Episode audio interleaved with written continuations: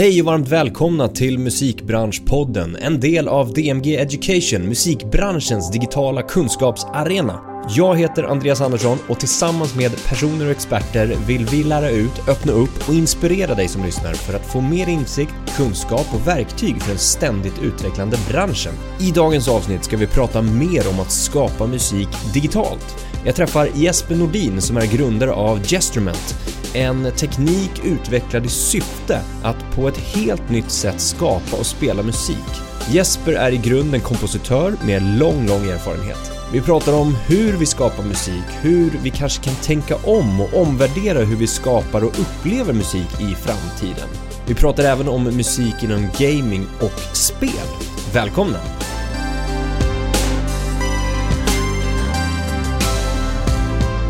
Jesper Nordin, varmt välkommen till Musikbranschpodden. Tack så mycket. Hur står det till? Jo, men det är bra, men det är konstiga tider som alla säger hela tiden. Ja, ja men märkligt, verkligen. Märkligt med livet som det är nu. Det är lite så här standardinledningen som vi, som vi kör på just nu. Men, men vi löser det ändå. Du, som du sa, du har en Neumann bredvid dig. Japp. Alltså en mikrofon för de som inte visste om det. Eh, och spelar in på ditt håll och jag spelar in på mitt håll så mergar vi ihop det sen. Men jättekul att ha dig här. Mm. Eh, du är grundare av eh, Gestrument. Mm. Och vi ska prata mer om vad det är för någonting också längre fram.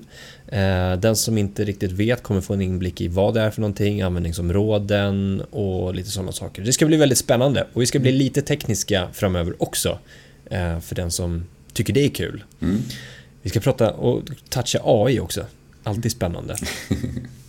Men först och främst, vi kör på. Gestrument, vad är det för någonting? Ja, man ska beskriva det i en mening så är det en teknologi som landar precis mitt emellan ett komponerat verk och ett spelbart instrument. Eh, man kan alltså ha kontroll, styra liksom musikens ramverk, regelverk med ja, musikteoretiska in- inställningar av eh, skalor och omfång och, och rytmiska mönster och allt, allt, allt som kan, man kan tänka sig liksom på olika sätt. Men den är baserad på att allting görs i realtid, så det är ett instrument. Eh, Och det här är ju liksom någonting som, som eh, vi kan ju prata mer om varför jag kom hit, men implikationerna framöver blir väldigt stora när man börjar grotta ner sig i det här. Och det är, liksom, det är inte så att säga att det inte finns andra liknande saker, men jag tror att vi, först med, med mitt forskande och sen med, med det teamet jag har runt, så har vi börjat hitta någonting som faktiskt pekar åt en lite, liten ny riktning. Min vision, eh, om man tar liksom på det stora planet, är ju att man ska få tillbaka hemmamusicerandet från 1800-talet, men med dagens teknologi. Då var det enda sättet att uppleva musik var att spela själv. Det betydde att alla var delaktiga i sin egen musikupplevelse eh, så mycket som möjligt. Eh, och det finns ju tekniska möjligheter att få tillbaka det. Sen kommer då den liksom mer filosofiska frågan kring Ja, men betyder det att man suddar ut professionalismen eller så? Och jag, jag ser på det precis tvärtom. Jag tror precis som liksom att Sverige har mycket musikmänniskor och många fotbollsspelare därför att vi har en väldigt stor bas av många som är engagerade. Så tänker jag att man, kan, man också skulle kunna se det med musikskapande. Om fler, det har ju redan hänt massor liksom med alla, alla teknologier som finns idag, garageband och sånt. Men om man ännu tidigare, om det första mötet med musik var att man fick faktiskt vara med och spela och skapa på, ovanpå sin, tillsammans med sin favoritmusik och det liksom funkade. Det ser jag som en, liksom den stora vägen och det betyder ju också, speciellt i dessa liksom streaming och coronatider, nya typer av möten mellan artist och, och publik. Eh, för Just det är ju det. liksom, det är det som har hänt med streaming, att Fandom har ju liksom lite grann fått hitta nya vägar istället för LP-skivor och affischer på väggarna och konserter och nu är det liksom snart ens konserter liksom är också borta. Så det blir liksom krångligare och krångligare att hitta vägen att, att koppla eh, sitt, eh, ja, till sin artist och liksom få den kopplingen. Och då tror jag att det finns med teknologins hjälp många vägar att, att hitta det. Jag kan tänka, alltså rent spontant så låter det lite krångligt för mig eh, när du beskriver det liksom, i vissa termer. Men jag tror att vi kommer förstå eh, att det kommer vara mycket lättare än vad det egentligen är.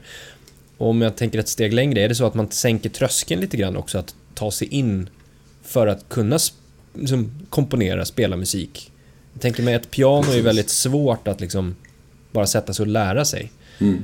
Jo, men det är ju det här som är Eh, och som är den dubbla grejen. För på ett vis så är det liksom, det, det som, den appen vi har idag, den är absolut en, en förenkling om man bara ser att du kan med ett finger på, på, på iPad eller iPhone kan du spela en hel orkester. Mm. Eh, utan att kunna någonting och det kommer låta bra på liksom, ena, du kan, men, men någon annan kanske har satt reglerna. Så det är förenklingsdelen. Men jag tycker inte att bara den är så himla spännande för då blir det bara, om man går ner och så blir det okej, okay, det, det, går att få någonting som låter okej. Okay. Men när man också har en möjlighet till faktiskt fördjupning och eh, högre eh, konstnärlig höjd och liksom nya typer av konstnärliga eh, upplevelser och möten. Det är, då, det är den kombinationen som jag tycker är jättespännande. Mm, mm. Och det är också, ja. som du sa med, med liksom, motstånd mot att lära sig ett instrument. Det finns ju många aspekter i det som, som där det, är, det är jättekul och det är jättehäftigt och så är det vissa saker som liksom de här stora trösklarna. Om man lite tidigare kunde få vara medskapare, man kunde liksom få det, om det låter bra på en gång på vissa sätt, då tror jag också att man skulle liksom behålla intresset längre. Mm. Så det är sånt som vi tänker mycket på och funderar mycket kring. Ja, just det. Ja, men vi kommer in lite grann på mer användningsområden och, och lite kanske djupare tänk kring kring det här då. Och jag kan ana också var, var namnet kommer ifrån. Gestrument, alltså det är ett mm. instrument men det är gesture. Ja, precis. Det är styrt av en gest. Liksom. Det, och eh, det är väl egentligen ett rätt så dåligt namn så här i efterhand. För det var, det är, folk stavade fel och uttalade fel och liksom, det är lite krångligt sådär. Men, men det, det sammanfattar ju vad det är på ett bra sätt. Mm. Mm. I, i, liksom, I den appen när vi, när vi gjorde det. Sen så nu har vi ju många större tankar kring vart vi kan ta det här vidare. Mm. För att det är ju inte, det är ju inte bara, alltså vi har ju flyttat över teknologin nu till en kärna eh, som, som kan portas var som helst. Och nu är vi på väg in i videospel, vi är på väg in mot eh, education-projekt och vi är på väg åt många olika håll med den här core-teknologin som nu är patenterad. Okej, okay, så att egentligen är teknologin grunden och sen mm, så kan ni precis. bygga olika tjänster eller applikationer eller mm. sådär utifrån det? Mm. Vad, och vad inte liksom... bara vi, utan liksom att man då möjliggör för andra också att göra det på olika sätt. Ja, okej, okay, just det. Och vad är det som är liksom målet? Vad, vad, ser du att det här är för någonting? Ja, som jag sa, det är liksom, det är både ett slags demokratiserande av, av eh, musikskapande, att liksom få, få ett lättare sätt att, att få, få folk att vara med och sänka tröskeln som du sa. Men också att faktiskt försöka hitta nya sätt, både till konstnärliga uttryck och till, till, eh, till uh, nya sätt för, för revenue, för artister och alla möjliga sådana olika delar som liksom samverkar till ett ny, ny, nytt sätt att, att eh, tänka musik. Jag är helt övertygad om att musik kommer vara interaktiv på ett sätt som vi inte tänker oss idag inom 40-50 år åtminstone, liksom, om inte tidigare. För att det är, teknologin är på väg åt det hållet. Det är bara frågan om på vilket sätt. Mm. Och jag tycker det är spännande med det som vi har hittat här är att det fortfarande på ett vis både kräver att eh, eh de som skapar det eh, är eh, musiker och liksom har, tänker musik. Eh, så att det finns, liksom, det finns ett skapande aspekt. Det är inte att man tar bort någon, att man liksom har en AI som är istället för eh, upphovspersonerna, tvärtom. Man möjliggör nya saker.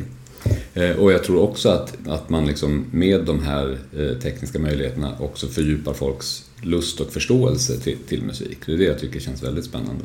Mm, mm. Vad, vad föddes idén till det här någonstans? Av mina egna personliga brister. Alltså. Som ofta är, det, det är liksom om man, jag, jag hade jag kommer tillbaka till exakt men jag hade en väldigt bra eh, Jag studerade ju komposition i, på många ställen. Det sista stället jag studerade var Stanford i USA. Där hade jag en jätte, jättebra kompositionslärare. En av de mest tekniska och, och teoretiska kompositionslärarna man kan tänka sig. Hans musik var väldigt komplex och komplicerad och supernoggrann och sådär. Min är inte alls det på det, samma vis. Så när jag hade min sista lektion så frågade jag vad tycker du jag ska förbättra? Vad, vad ska jag liksom ta vara på? För jag såg bara alla mina brister och att jag inte kunde så mycket där. Ja, du ska ta vara på dina brister, för de är din personlighet. Eh, och det är såklart inte, liksom, det kan ju vändas till någonting fördummande att man inte ska lära sig mer. Men det var inte det han menar, utan det finns någonting där att ett motstånd som man har kan användas och vändas till någonting som blir ett nytt, eh, någonting nytt. Mm. För min bakgrund in i den klassiska musiken var ju helt liksom bakvänd. Jag började lira punk när jag var 16.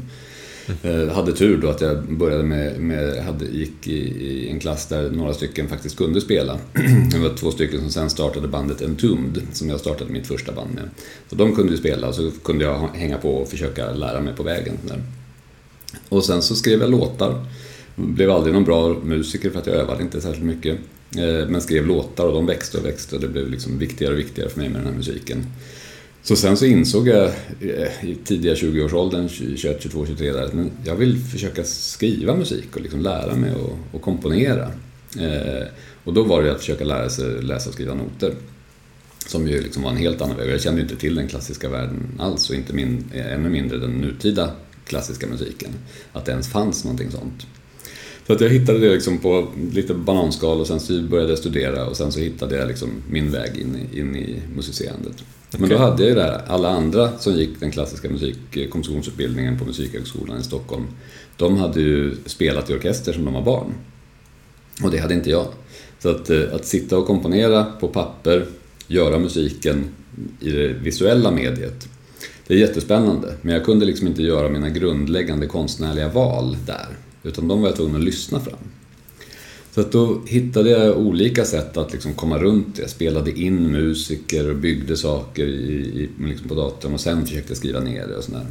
Men till sist så kände jag att jag behövde ett verktyg där jag kunde sätta upp eh, reglerna och sen få ett in, eh, instrument och improvisera fritt. Så att jag liksom fick kontroll över, över helheten och fick ett instrument som jag egentligen inte hade. Så det var grunden och det gjorde jag redan 2007 som jag liksom programmerade det här i Max MSP och med en Wacom Tablet som ritplatta som fanns då innan iPads och så. Eh, sen när jag var inbjuden att prata om min musik runt om på musikhögskolor i världen och på Stanford och Berkeley och så här så visade jag det här verktyget. Och då var det många andra som var väldigt eh, intresserade och till slut så fick jag loss lite pengar för att kunna släppa det som en app. Och det var samma sak, det var också bara, ja visst, här, mitt verktyg, det kan andra använda. Det var liksom grunden så tog det rätt så lång tid innan jag fick den feedback som jag fick och liksom började se men det här är ju faktiskt grundbulten till någonting annat, något nytt som kan bli mycket, mycket större. Och det är bara ett par, tre år sedan som vi liksom på riktigt började eh, utforska de möjligheterna. Och där den mest självklara eh, och det som vi fokuserar kanske mest på just nu är ju musik i dataspel. Av eh, två skäl. Det ena, mest grundläggande, är ju att allting annat i, i dataspel, och nu pratar jag utan egen erfarenhet för jag är inte alls en, en gamer så jag kan egentligen ingenting om det här. Allting annat i dataspel renderas i realtid. Det finns fysikmotorer och, och shaders och allt vad det heter. Så man sätter upp reglerna för hur saker ska funka och sen så, beroende på vad spelaren gör, så skapas det visuella i, där och då. Musiken är det enda som fortfarande är hårdkodat. Det är ljudfiler de är, kan vara korta, de kan vara olika lager och liksom det är loopar som man kan byta mellan mm, på ett mer eller mindre interaktivt sätt. Men de är hårdkodade. Och vad vår teknologi kommer med är ett sätt att då kunna göra musiken så att den också blir regelstyrd och kan påverkas på hel, hela tiden beroende på vad, vad spelaren eller spelarna gör. Just det. Och det andra sättet, det andra skälet till varför vi tänker att vi ska satsa på det här är ju att hela dataspelsbranschen om man hårdrar det, är lite grann en förlorad marknad för, för musikbranschen. Eh, för att där, det finns inte, det är, det är buyouts bara så att det liksom det, kompositörerna skriver musik och sen så det finns inga royalties, det finns inte, det finns liksom inga riktigt bra mötespunkter och det är dels på grund av medierna. Det är liksom, vi har fixerad musik och vi har interaktiva spel. Det är en krånglig sak att lösa. Och det andra är liksom bara rättighetsupplägget och sådär. Så vi tror att vi, den här liksom, teknologin kan bli en grundbult för att få de två eh, branscherna att mötas på riktigt. Riktigt spännande. Jag tänker mig just det där det, det musiken alltså, som skapas då i realtid. Uh, utifrån vad, vilka val jag väljer att göra som spelare till exempel. Alltså gå, väljer jag att gå vänster där eller gå höger det i det äventyrsspelet så kommer det, beroende på uh, vad jag väljer, att vara olika slags musik. Precis, precis. Och det, är, det, kan ju, det finns mycket av det här du kan göra idag med de verktyg som finns, men du gör det ändå utifrån hårdkodade grundbyggstenar. Okay. Mm. Och det är också, om inte, och inte minst så är det ju så att eh, för kompositören blir det väldigt, väldigt krångligt. För att du måste ju göra en enorm mängd av eh, små ljudfiler mm. för att kunna få de här valmöjligheterna. Och sen om du kommer, när du väl börjar speltesta och märker att det funkade inte riktigt, då får man gå backa och göra om allting. Så det är en väldigt omständlig process. Medan vi har en, en, en, potentiell möjlighet att liksom jacka in, testa och liksom speltesta i realtid och, och hålla på med det. Och vi har ju faktiskt precis startat ett dotterbolag i England som kommer liksom dra, dra den här satsningen just mot, mot spelbranschen. Där vi har fått ett, ett väldigt starkt team som, som leds av Kelly Sumner som var, eh, han som var VD för först Grand Theft Auto och sen Guitar Hero. Eh, så att eh, han har varit med och tagit fram den här typen av grejer förut. Så det, det är väldigt spännande. Det är precis i liksom startgroparna. Så, så det, det är någonting som vi tror mycket på. Spännande. Jag har svårt att föreställa mig exakt hur det fungerar, precis som du säger. Alltså det här med alltså, hur... Vad, är det, vad blir kompositörens roll? Hur, hur kan man redan innan sätta upp de reglerna eh, som du säger som, som ska styra det här då? Beroende på vad som ska låta så att säga. Precis, jag skulle nog säga att det, det kommer inte vara... Och det där igen, jag är inte spelmusikkompositör så jag kan inte alla. Vi har folk i teamet som är det mm. såklart. Så att, men men eh, jag tror inte att det kommer vara så stor skillnad mot idag. Eh, men att istället för att du måste först komponera någonting, sen klippa det i bitar och, och slicea det i olika lager så kan man sätta upp reglerna så att det blir liksom mer, mer eh, grannlärt och mer, mer eh, organiskt. Jag tror det är på samma sätt som när man för 15 år sedan gick över från att ha, ha hårdkodad grafik till att göra fysikmotorer. Du måste ju fortfarande göra eh, designen. Det är samma sak här, du måste göra den musikaliska designen. Men sen kan du sätta det med regler istället för med eh, hårdkodade ljudfiler. Okej, okay. och det här ska då kunna generera intäkter på ett helt annat sätt till upphovspersoner mm. och ja, kompositörer? Ja, absolut. absolut. Det, och som sagt, om man får till det här mötet mellan musikbranschen och spelbranschen så är det ju en stor win för, för båda. Mm. Eh, det, och det vet, ser vi ju, det är jättemycket trender som pekar åt det hållet. Det är stora konserter i Fortnite och så vidare. Så det, det är liksom, folk är ju på väg åt det hållet. Mm. Eh, det är ju bara frågan om med vilken typ av teknologi man gör det och på vilket sätt. Och, och din bakgrund, vad, är, vad eh, som du sa, du, du kommer från punksidan av det hela. Eh, vad plockar du med dig liksom, i de olika, kan man, kan man dela upp det i olika eror så att säga? Uh, ja, det, jag vet inte riktigt. Alltså för, för mig var det, det var, det var liksom samma drivkraft som drev mig att skriva uh, rocklåtar när jag höll på med det. Och det var ju inte så lång tid jag gjorde det. Det var ju liksom fem sex år där för, och sen så bytte jag spår. Men det var liksom samma kraft, som jag, samma, samma lust. Så att jag, när jag slutade med, med att skriva rocklåtar så har jag två låtar som var halvfärdiga och de slutförde jag aldrig. Sen dess har jag liksom inte försökt det mer utan sen tog jag över kraften hit istället till att skriva orkestermusik och ensemblemusik. Och, och just har jag fokuserat mycket på mötet mellan musik och teknologi. Mm. Eh, som ju i den klassiska världen, det är absolut ingenting eh, udda eller ovanligt, men för vissa av institutionerna, vissa orkesterinstitutionerna är de mindre vana vid det. Är det lite motstånd där också? Jag tänker på de tekniska utvecklingsstegen. Ja, det kan det vara i vissa lägen, men å andra sidan så är det ju precis tvärtom på andra ställen. Jag studerar ja. till exempel på IRCAM som ligger vid Centre Pompidou i Paris, där ju väldigt mycket av den här grundforskningen, och det är, det här, det är spännande i den här kontexten med just en musikbranschpodd, eh, att jag tror inte att alla liksom riktigt har koll på ah, de verktygen som man använder i i liksom populärmusik generellt, ah, sequencers och trummaskiner och samplers och allting så Väldigt, väldigt mycket av det har ju utvecklats vid de här experimentella studierna för nutida konstmusik från 50-talet och framåt. Konceptet med, med live-elektronik och det som sen blev Ableton Live och så, det kom ju just från IRCAM. Man gjorde Max-MSP eh, och liksom man gjorde de här första testerna för hur kan man göra interaktiva musikaliska saker som där allting sker i realtid. Så att det är ju väldigt mycket av grundforskningen som har skett inom den nutida konstmusiken. Även om den, liksom, den klassiska sfären på det stora hela kanske är mer traditionell och tillbakablickande och tänker sina, sina 1800-tals orkesterrepertoar och så. Men det, det finns ju en väldigt, väldigt stor drivkraft mot det, mot det nya och eh, det, det utvecklande i den konstformen. Mm. Det där är ju väldigt spännande för det är inte alla som vet om. Jag visste till exempel inte om det. Eh, och mm. att man då bör ta tillvara på den liksom innovationskraften eller den, den eh, institutionella det, det, är viktigt att fortfarande ha kvar om man är då en popmusiker eller eh, skapar pop eller modern musik eller vad man ska kalla det för. Att mm, inte titta ner och känna att det där är liksom, det där är dåtid, det där kommer inte slå nu och det där är bara instrument som spelas i realtid och lalala. Utan att man faktiskt eh, ska uppmuntra för att fortsätta utveckla det också framåt då, 20, 30, 40, 50 år framåt. Vad kommer hända då? Om det är de som driver på den här tekniska utvecklingen mm. också. Och det, är som sagt, det finns ju såklart väldigt mycket teknisk utveckling på många plan och, och mycket av det sker inom... Men om man säger grundbultarna, överhuvudtaget tänka göra musik elektroniskt. Ja. Det konceptet, det kommer ju från, från eh, experimentstudierna i Tyskland och Frankrike från, från 50-talet. Mm. Eh, och det var där liksom de olika, att göra musik med dator. Det var också sånt, det kom från de här olika centren. Vi hade ett sånt väldigt framåtblickande center i Stockholm, EMS elektronmusikstudion, som var världsledande på, på 60-70-talet med, med just att, med, med datormusik på olika sätt.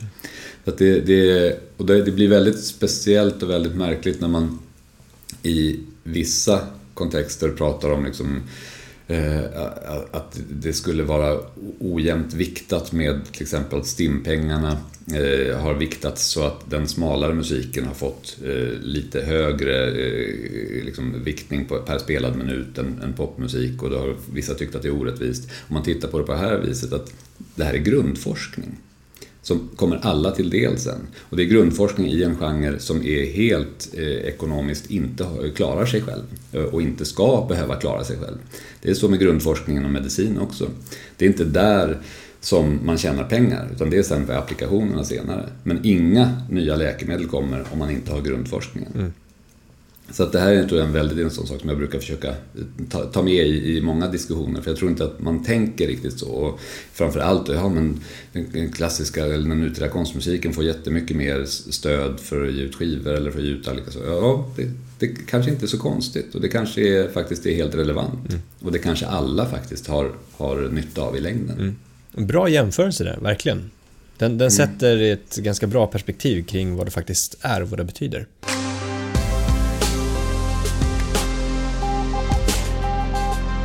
Ska vi gå in lite grann på, jag tänker just här användningsområden för Gestrument också.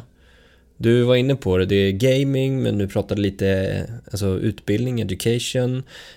Um, vilka användningsområden finns det? Eh, eftersom det här är liksom en core grundteknologi som man kan använda till många olika saker så, så, så, ser jag väldigt många olika spår. Vi har till exempel sedan flera år tillbaka samarbete med, med en fantastisk organisation som heter Share Music som jobbar med, med musik för, för folk med olika typer av funktionsvariationer. Som har en jättedrivkraft för musik men kanske inte har de fysiska möjligheterna att spela instrument. Mm. Och de använder mycket teknologier av olika slag och Gestrument är en av dem som de använder. Så jag kan se, det finns allt ifrån liksom, Eh, upplevelse och fysiska installationer gör vi en del också. Det finns till exempel på Scenkonstmuseet i Stockholm och man kan göra sådana saker. Så det, det, är ju, det beror ju på vad man, vad man vill använda det för också. Personligen för mig så är det ju mest en materialgenerator. Jag sätter upp eh, regler som jag tycker verkar spännande och liksom, eh, situationer, instrument och, och, och eh, musikaliska regelsituationer som jag vill testa. Och så improviserar jag inom dem. Så spelar jag in allting och kollar vad blev bra. Och sen så efteråt så, så, så gör jag fortfarande liksom det komp kompositoriska hantverket med instrumentation och formbygge och så. Men att, liksom, att skapa någonting som, som kommer från någonting som jag, där jag har spelat fram det, där jag har känt att det, det känns liksom bra från början. Om jag förstår det rätt, det är dels en teknisk lösning, om man sammanfattar det med det. Men det är dels mm. en applikation som jag som en konsument skulle kunna använda. Alltså ladda ner på min platta, surfplatta, mm. använda den för att bara spela musik. Mm, just. Och det, det är det vi har, liksom, det är den enda konsumentapplikationen som finns mm. idag. Är den appen som finns, det är en iOS-app. Eh, och där kan man, den, den, är liksom på ett vis väldigt enkel för att du kan dra fram ett, ett preset och börja spela. Eh, så fort du vill göra någonting själv så är den väldigt djup. Och det var också tanken att vi liksom skulle se hur, hur långt kan vi ta det här konceptet. För om man tänker sig rent, rent tekniskt så, som jag sa, det är mitt emellan en komposition och, eh, och eh, ett spelbart instrument. Och vi höll på länge och försökte liksom formalisera vad är det egentligen vi har gjort? Vad är själva kärnan av det här? Jo, det är att man har en, allting i realtid. Man har en pitchgenerator och en pulsgenerator eh, som då är ihopkopplade. Och en pitchgenerator, den kan du ha, det kan vara en skala, eh, det kan vara en melodi, det kan vara eh, en algoritm, det, det, kan, vara, det kan vara precis vad som helst. Och precis samma med, med pulsgeneratorn som kan vara, komma från eh, en midi-fil med, med notvärden. Det kan vara bara o, eh, rytmiska patterns som ligger där. Det, det är väldigt öppna begrepp och väldigt generiska begrepp. Som man sen kan driva då med, i appens fall så driver man den med input från, på, på skärmen. Eh, som i sin tur, jag använder den ofta styrd av en rörelsesensor. Jag sätter upp en rörelsesensorkamera så styr jag appen via, via rörelser i luften bara. Jag, kan ju, jag vet inte om man kan sätta med några länkar eller någonting för det finns ju väldigt tydliga exempel på när, när vi gör, till exempel jag och klarinettisten Martin Fröst spelar en klezmer-låt. Eh, där jag spelar på den här, för det, det blir ju en musikalisk AI på ett mm. vis. Eh, apropå den diskussionen. För att det, det, är ju, reglerna är ju satta hos en, i en artificiell situation, alltså i, i, i en dator eller i ett program. Men du kan fortfarande interagera med det. Så att i, när jag och Martin Fröst gjorde den eh, saken, att vi tog en klezmer-låt, då hade jag ju fördefinierat ackordsföljden. Eh, men alla andra parametrar i musiken kunde jag spela på. Den rytmiska intensiteten, dynamiken, omfånget, var man låg i tonhöjd och sådär. Så, det, var, det är väldigt många saker kvar, även om någon sak är fixerad Okej, okay, så, att, men bara, så, så ackordföljden till exempel, då har, du, då har du spaltat upp att det ska vara en viss ackordföljd, men inte hur länge det ackordet ska liksom, ljuda? I just det här fallet så hade vi bestämt eh, vilken, alltså, eh, att vi satte låten i tid också. Okay. Så att vi kunde köra låten från början till slut. Mm. Det skulle också kunna vara att det var, att det var en sak som jag styrde i realtid så vi kunde vänta lite grann och så. Men i det här fallet så, så definierade, fördefinierade vi ackordsföljden men alla andra parametrar i musiken eh, var spelbara. Mm. Så det är ett klipp som vi har lagt upp på Youtube som, är, som är, verkligen visar gränsen mellan, mellan interaktiviteten och det komponerade. Mm. Och då kommer man in på den här diskussionen kring vad egentligen är en AI. Det finns ju jättemycket AI-projekt i, i, i, musik på olika sätt. Och om jag lämnar alla de som har med, med metadata och liksom, eh, recommendations och sådana saker i sidan, utan mer liksom det musikspecifika och liksom kreatörsspecifika AI-projekt. Så har i alla fall jag inte sett någonting, och det finns kanske också, men, men eller, sorry, jag vänder på det. De, de flesta jag har sett har varit fokuserade på att man drar in massa data om en viss typ av genre eller en viss typ av låt. Och sen försöker man få en AI att efterskapa det mer eller mindre eh, bra. Mm. Eller liksom göra nya låtar i en viss genre eller följa vissa regler, följa vissa, vissa klangideal och så vidare. Och det är absolut eh, eh, en, en sak som kan vara intressant. Personligen tycker jag inte det är jätteintressant för att jag, jag ser inte riktigt poängen. Eftersom det finns så många uh, mänskliga kreatörer som kan lägga till någonting ytterligare. Det jag kan se är mötet mellan AI och människa när man eh, liksom bryter dem mot varandra. Och det kan man göra i den typen av teknologier för att man låter AI liksom, göra fem, sex versioner och sen får en människa välja vilken som var bäst. Mm. Det är ett sätt att göra det. Men jag tycker det är mycket, mycket mer spännande när man faktiskt använder program och eh, datorer till det som de är väldigt bra på, nämligen att sätta upp regler och ha de sakerna fixerade. Men sen driver det av en mänsklig input. För då är det ändå människan som styr och som kan påverka. Och, och där kommer man till någonting som jag tycker är spännande och som jag tror kommer liksom kunna eh, skapa det här som jag pratade om, den visionen av liksom ett, ett hemmamusicerande för där, där, vem som helst kan vara med och, och, och vara medskapare men ta hjälp av teknologin. Just det. Och det här med upphovsrätten till det här, om man pratar liksom upphovsrätt och AI har ju diskuterats. Eh, I det fallet som du sa, om, om det är en, en AI som skapar verket helt från grunden, men att det är en människa som väljer, vem har då skapat verket? Är det den som trycker på knappen eller är det, den som, eller är det AI mm. eller det som äger AI eller är det företaget bakom som har skapat det? Eh, men i det här fallet som du sa nu, att se det som en ser det som ett, ett delinstrument på något sätt eller som ett till lager med den, den AI plus människan, vem är det då som är upphovsperson? då är, då är ju den diskussionen helt irrelevant. För då är det ju självklart att det är, då är det en människa som har tagit hjälp av teknologi. Precis som att man skulle, Exakt. det är ingen som skulle säga att, att det är Pro Tools som, som har rätt i musiken för att du har jobbat i Pro Tools när du komponerat någonting. Nej. Eh, det är ett verktyg. Och det är så jag tycker man ska använda AI. Mm. Jag tycker man ska använda det som ett verktyg, eller som flera verktyg, för att hitta nya vägar och, och nya spännande saker. Mm. Och vad vi jobbar mycket med nu i Gestrument och som vi tänker mycket kring, det är att faktiskt hitta ett nytt typ av eh, interaktivt musikformat.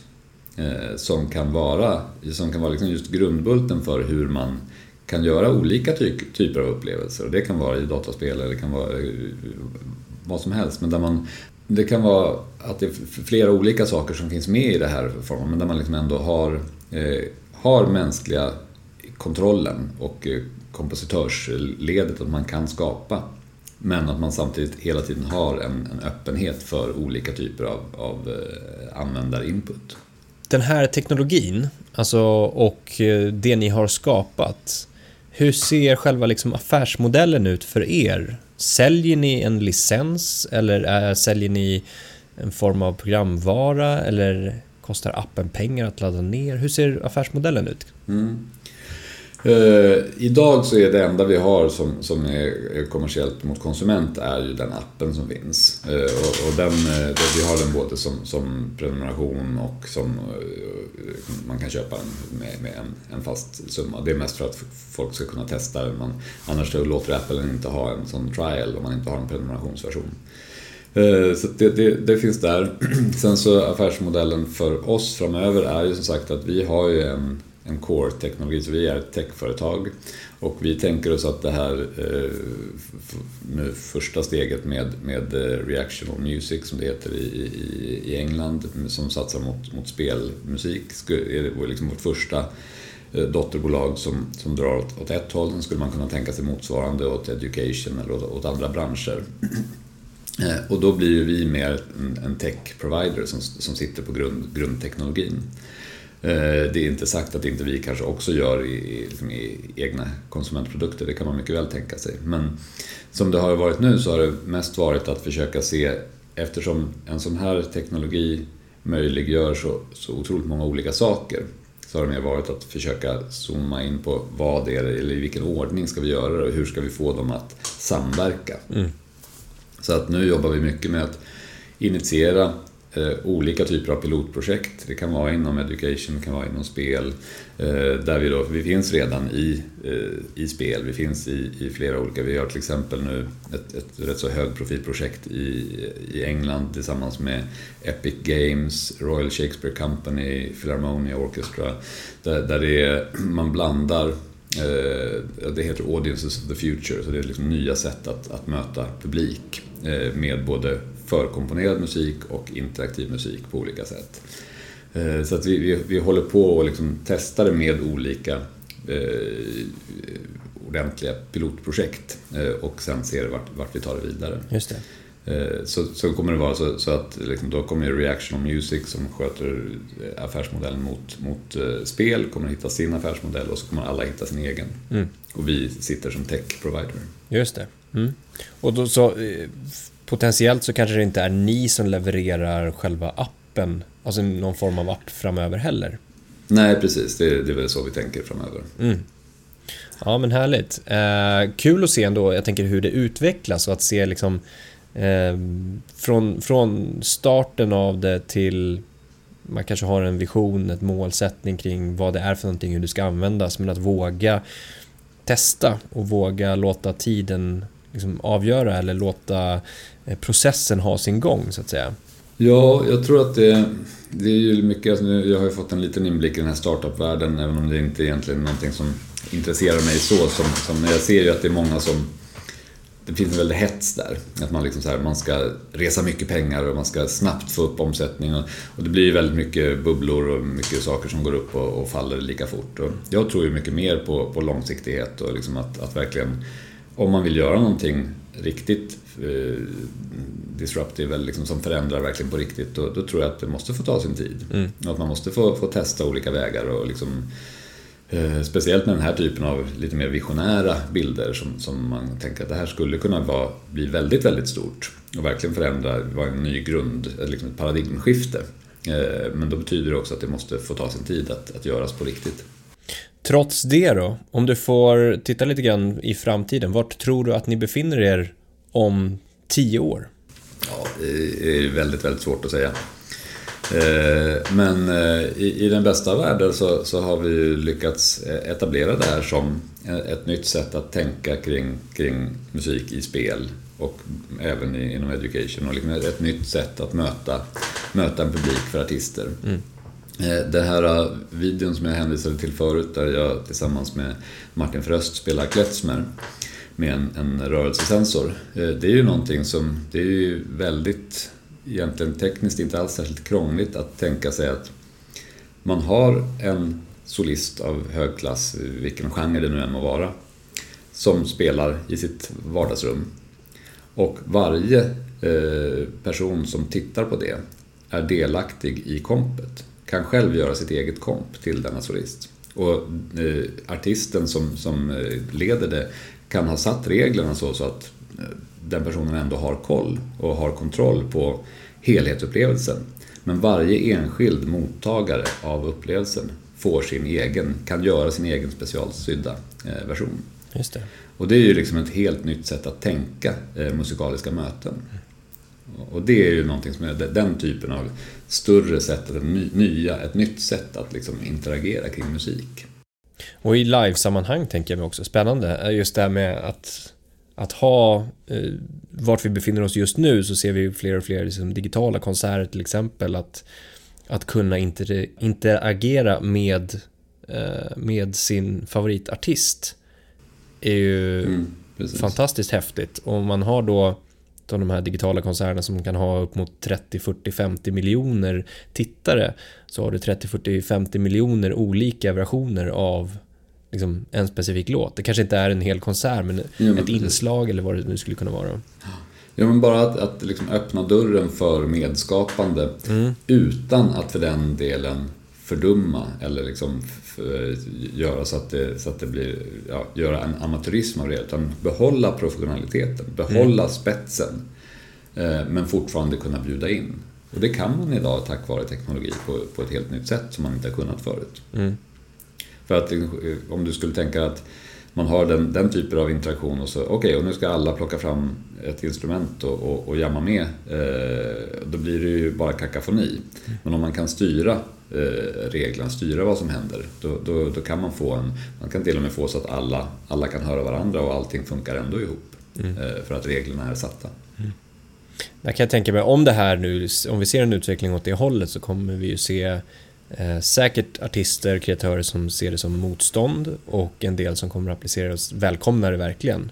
det är väl inget konstigt? Nej, precis. Och, men det är så häftigt att se och tänka sig så här, vilka är det då som kommer vara de här pionjärerna och, och mm, ta till sig det här och vara den första personen, eller artisten eller bandet som applicerar mm. en sån teknik i sin livekonsert till exempel. Mm. Uh, bör man också tänka i sånt, liksom nu när vi ändå är inne på det, det här med att skapa musik och uppleva musik i den inspelade musiken, alltså inte bara live-sammanhang på det sättet, utan den inspelade musiken, bör man titta på ett annat sätt att samskapa med eh, sina fans eller följare eller så? Det finns ju såklart möjligheter där också. Jag, jag kan tänka mig att, att eh, som sagt, jag, jag, är ju, jag tycker ju att, att eh, hög kvalitet är någonting att värna om. Så jag inte, tycker inte att man ska, ska eh, släppa på det. Utan det är alltså att det får ta år att göra en riktigt bra inspelning. Eh, och att det får ta ett år att skriva ett symfoniskt verk. Det, det, det tycker jag att det ska få göra och det är liksom viktigt oavsett genre att man får ha den fördjupningen. Eh, och det är såklart att någon som inte har hållit på länge och, och kommer kanske inte kunna tillföra i de delarna. Men i sin egen upplevelse. Så jag är ju mer fokuserad på den, på liksom den, den slutanvändarens egen personliga upplevelse. Att den ska kunna förhöjas eh, på sätt som är kontrollerbara av upphovspersonen. Mm. Och det är det som blir det spännande. Att mm. Man kan ju välja, man tänker sig att ja visst, vi har en inspelad, fixerad låt. Men det finns eh, delar av den där det är öppet för ett solo för den som, som lyssnar med. Eller man kan välja att plocka bort eh, de förinspelade trummorna och använda samma ljud från trummorna men göra ett lite annorlunda trumkomp till. Mm. För, I sin egen upplevelse. Det öppnar upp för många möjligheter. Man ser liksom de här första försöken som har gjorts. Allt ifrån liksom 90-talet när, när, David Bowie gjorde CD-ROM-versioner. Liksom, då, då var det ju inte så mycket av musikalisk interaktivitet. Sen börjar folk ändå tänka tankarna och sen kommer Björk och Radiohead och släpper appar. Eh, släpper album som appar. Men ofta har det då fokuserats på det visuella tillägget man kan göra. Men om det sen också skulle kunna vara eh, med ett musikaliskt tillägg. Att man, att man liksom bjuder in fler till att... För jag tror att den upplevelsen, precis som man ser liksom i TikTok eller, eller alla de här, att folk får känna att de, här del, de, de skapar mm. sin egen lilla musikvideo. Eller i, i Roblox, de skapar sitt eget spel. Det finns liksom så många möjligheter. Det, man frigör en stor kreativitet eh, i det.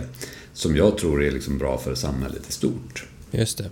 Skulle man jag, då... tror inte att mm. på, ja, jag tror inte att på grund av Instagram så tror inte jag att folk nu har mindre förståelse för att det behövs professionella fotografer. Tvärtom. Mm. Jag tror att det kanske har, har öppnat upp att folk fattar hur pass mycket som krävs av en duktig professionell fotograf. Mm.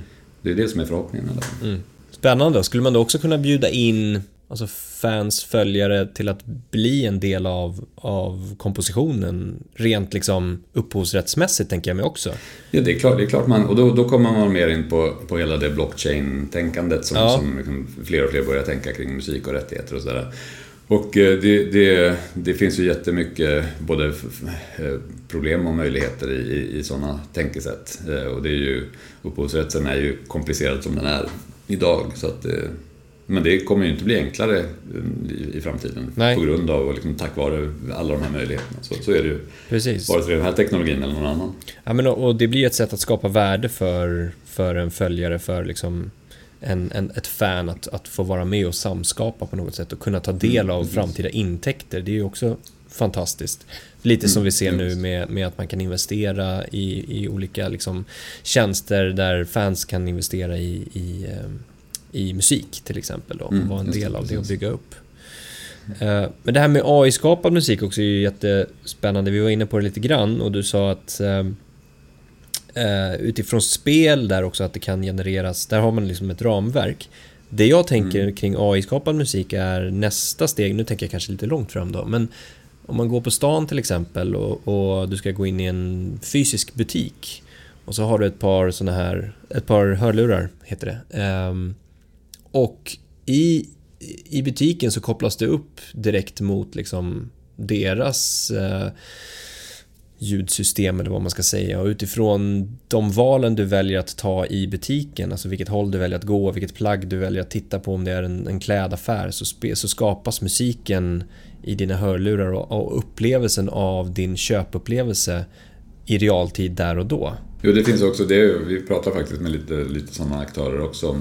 Så det finns ju många eh, sådana tjänster idag som liksom ska skräddarsy för, för, för köpcentra och den typen av upplevelser. Och där kan man absolut tänka sig antingen att man, man kan anpassa musiken som, som är i rummet beroende på vad folk gör eller som du säger i förlängningen att man, att man har så att man tillåter att folk får höra en egen upplevelse. Det finns absolut många sådana möjligheter. Mm. Ja, det finns otroligt stora möjligheter kring det här. Det blir väldigt individanpassat dock. Mm, precis. Och det kan ju vara liksom, det är, men det är ju också det är någonting som, som kan väljas av den som skapar det. Mm. Av den som är ljuddesigner eller, eller kompositör för, för de olika specifika upplevelserna. Kan ju mm. välja hur pass, hur pass fixerade, det vi tänker när vi pratar kring, kring dataspel så är det ju Vissa spel kommer ju vilja ha musiken helt eh, fixerad från början till slut men lite mer interaktiv. Andra kanske vill öppna upp för möjligheten att personalisera upplevelsen.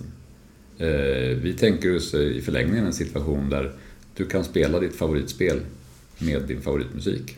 Mm. Och du kan välja musiken själv och det kommer vara i synk. Det kommer funka ihop. Mm. Mm. Det är ju drömbilden. Och det går ju inte med dagens teknologi. Men om vi går in lite grann på liksom de projekten och delarna som du har jobbat med eh, sen tidigare. Du sa att du är kompositör. Eh, vad är det du har gjort för någonting?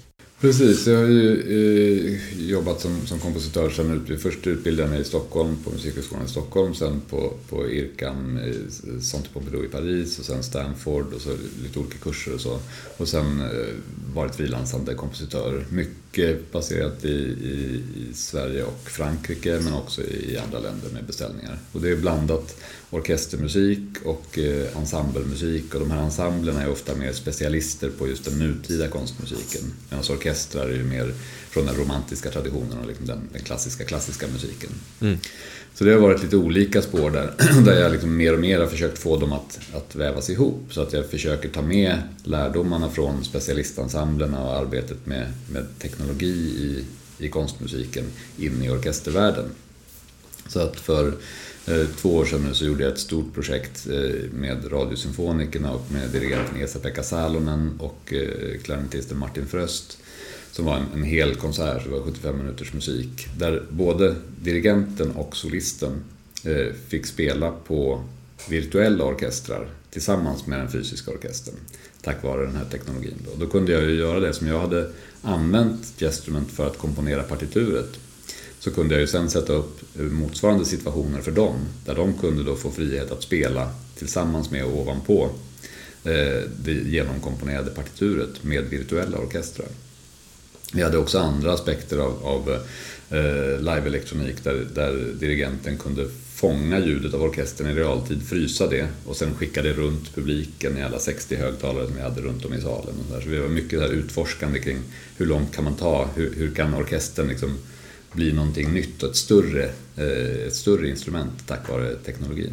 När du pratar om att frysa den i realtid, då menar du med hjälp av en rörelse? Precis, att när han satte in handen i en rörelsesensor så eh, spelades då in, exakt vad orkestern spelade just då spelades in, frystes kvar eh, i en sån liksom granularsyntes så att han kunde skicka runt det runt publiken och man kunde, eller han kunde göra loopar på olika sätt. Han kunde liksom spela på orkestern, på, på själva ljudet från orkestern.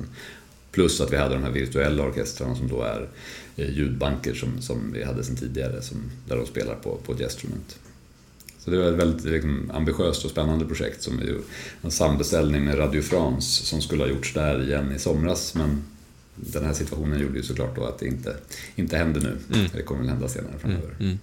Ja, det där är ju otroligt spännande att tänka sig in i hur det skulle kunna vara. Eh, jag kan tänka mig att upplevelsen live var väldigt häftig att ta del av. Ja, vad vi, vad vi såg tidigt var ju också att jag, jag, jag, jag eh, har gjort och använt den här typen av teknologi i livesituationer med instrumentalister förut. Eller jag har själv spelat och så. Och det, det är rätt så tydligt när, när vi har ett, eller jag skrev ett annat verk för Martin Fröst som han har turnerat mycket med. Där han själv spelar på, på en rörelsesensor eh, och han leder orkestern. Det är ingen, är ingen dirigent med och så spelar han sin klarinett. Där är det väldigt tydligt, när han gör en, en gest eh, som inte är att spela på klarinetten så förstår man att det är han som spelar på det här instrumentet. Även om han bara rör sin hand i luften till, framför en, en, en sensor. Men när man hade en dirigent som ju inte producerar ljud själv utan som just gör eh, gester i luften och får orkestern att följa och sen gör en annan typ av gest i luften och då blir det elektronik. Då är det, då är det svårare att, att uppleva i salen att man förstår vad det är som händer. Så därför hade vi så att allting i det elektroniska också visualiserades på en stor skulptur ovanför orkestern som, som där, där man projicerade bilder på som var helt genererade utifrån vad de gjorde inne i, i kamerorna. Och då fick man den ytterligare aspekten av att man kunde följa med i vad det var som faktiskt hände. Exakt. Den är ju otroligt spännande, just det, liksom musiken i ett visuellt sammanhang. Eh, mm, det finns ju otroligt mycket kan jag tänka mig att göra det.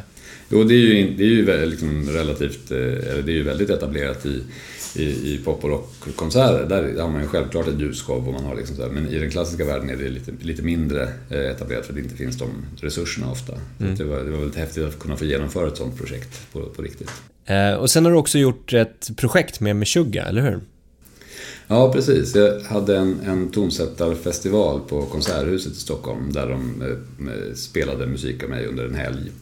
Och det nya verket där eh, baserade jag på eh, låten Bleed av Meshuggah.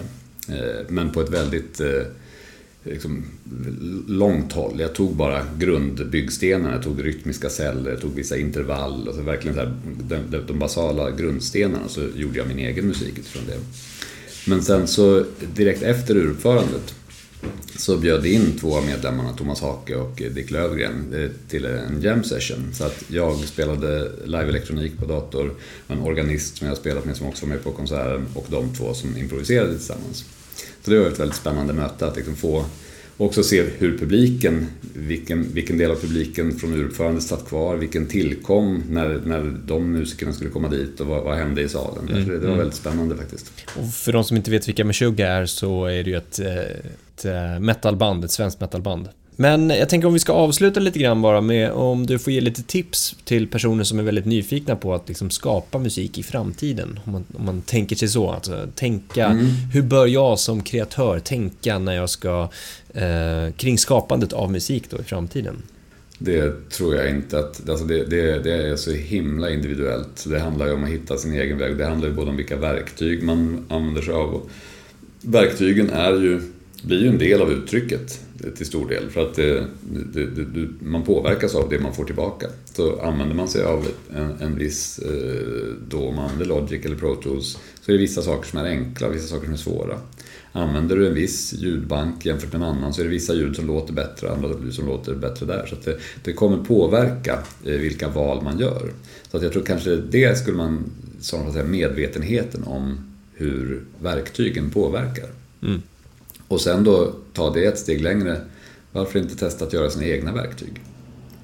Att eh, utforska de möjligheterna som finns nu eh, i, med Ableton som då har kopplingen med Max for Live eh, där man kan, kan faktiskt göra egna interaktiva versioner av, av, av digitala verktyg på olika sätt, liksom relativt enkelt och, och, undersöka de här möjligheterna. För att så på det sättet liksom personalisera och liksom göra sitt eget fingeravtryck och göra sitt eget sound verkligen. Härligt, spännande. Eh, Jesper, stort tack för eh, trevligt samtal. Lite tekniskt, ja. lite eh, musikaliskt, lite framtid. Eh, ja. Men mycket spännande. Tack själv. Tack för att du har lyssnat på podden som produceras och genomförs av oss på DMG Education, Sveriges ledande utbildningsarena inom musikbranschen. Om du gillar det vi gör, se till att gilla, lämna en kommentar i någon av våra sociala medier, DMG Education. Ta hand om er därute så ses vi igen nästa avsnitt.